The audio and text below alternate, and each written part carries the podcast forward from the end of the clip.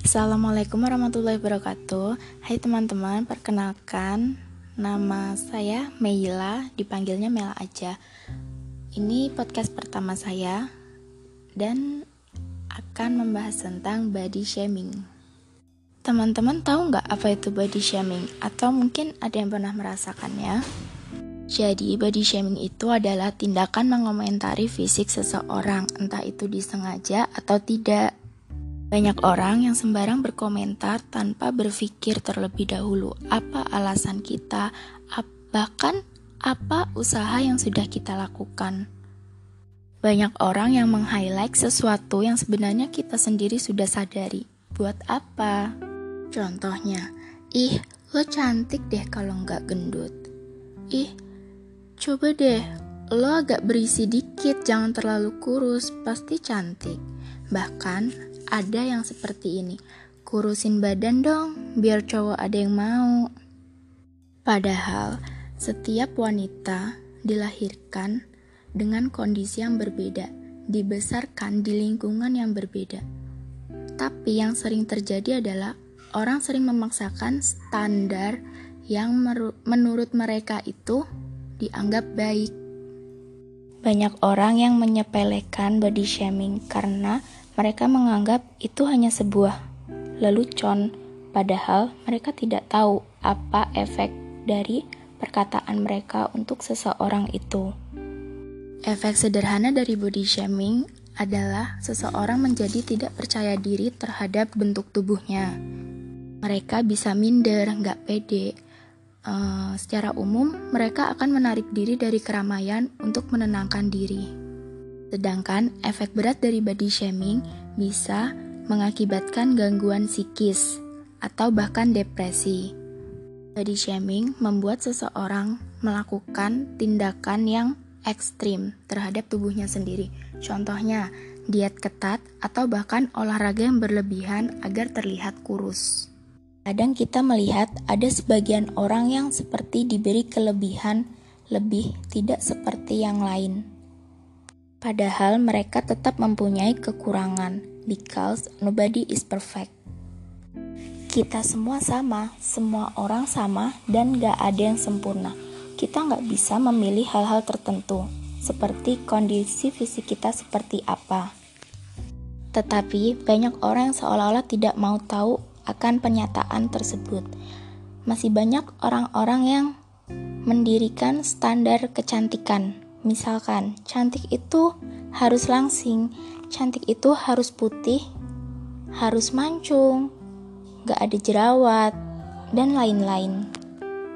Padahal, itu bisa membuat sebagian orang insecure atau berpikir, seandainya aku gak dilahirkan seperti ini, dan itu bisa membuat orang tidak bersyukur. Padahal sebenarnya hal-hal di luar kendali kita, mau kita protes atau keluhkan sebagaimanapun tetap tidak bisa berubah kan? Kita hanya perlu belajar menerima dan mensyukuri apa yang sudah diberi oleh Tuhan.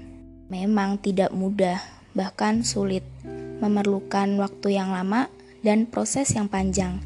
Tapi kita pasti bisa. Ketika dalam masa sulit dan seolah-olah keadaan menghakimi kita, bukan berarti kita harus menyerah dengan kondisi sulit tersebut. Justru, kita harus melakukan sesuatu, membalik keadaan jadi lebih baik walaupun kelihatannya mustahil. Kita harus menanamkan mindset selalu bersyukur, karena di luar sana masih banyak orang-orang yang keadaannya jauh lebih buruk daripada kita, tapi mereka selalu bersyukur. Kita harus bersyukur dong, setidaknya masih mempunyai anggota tubuh yang lengkap, masih mempunyai dua mata, mempunyai hidung, mempunyai mulut, bisa bernafas, bisa berjalan, dan lain-lain. You don't have to be stuck. Kalau kita merasa ada sesuatu yang bikin kita nggak puas, kita tanya ke diri sendiri, apa sih apa sih yang bisa diubah?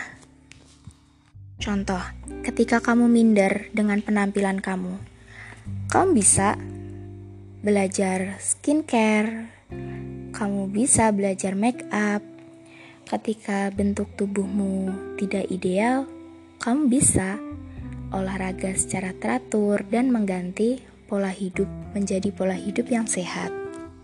Tapi ingat, dalam proses kita nggak perlu banyak membandingkan diri kita dengan orang lain, yang penting usaha.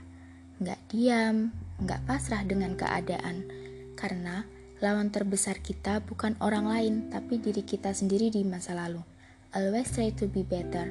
Percaya deh, kalau kita jadi orang yang lebih baik, kita sendiri kok yang paling bakal ngerasain hasilnya.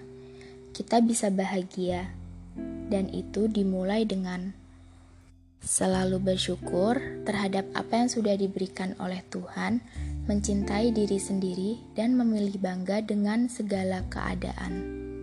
Karena banyak yang bilang cantik itu relatif. Semua orang sudah mempunyai inner beauty masing-masing. Jadi, cantik itu nggak harus mengikuti standar kecantikan orang lain. Kita semua diciptakan dengan kelebihan dan kekurangannya masing-masing. Jadi, say no to body shaming. Karena aku, kamu, dia, dan kita semua gak ada yang sempurna. Seperti awan di langit, bagaimanapun bentuknya, tetap cantik. Seperti perempuan, bagaimanapun bentuknya, semua perempuan tetap cantik Semoga di podcast ini bisa membuka hati kita semua untuk menyikapi body shaming dan sebuah proses untuk menjadi lebih baik. Mungkin di podcast selanjutnya saya akan menceritakan pengalaman pribadi tentang body shaming. Sekian dari saya. Wassalamualaikum warahmatullahi wabarakatuh.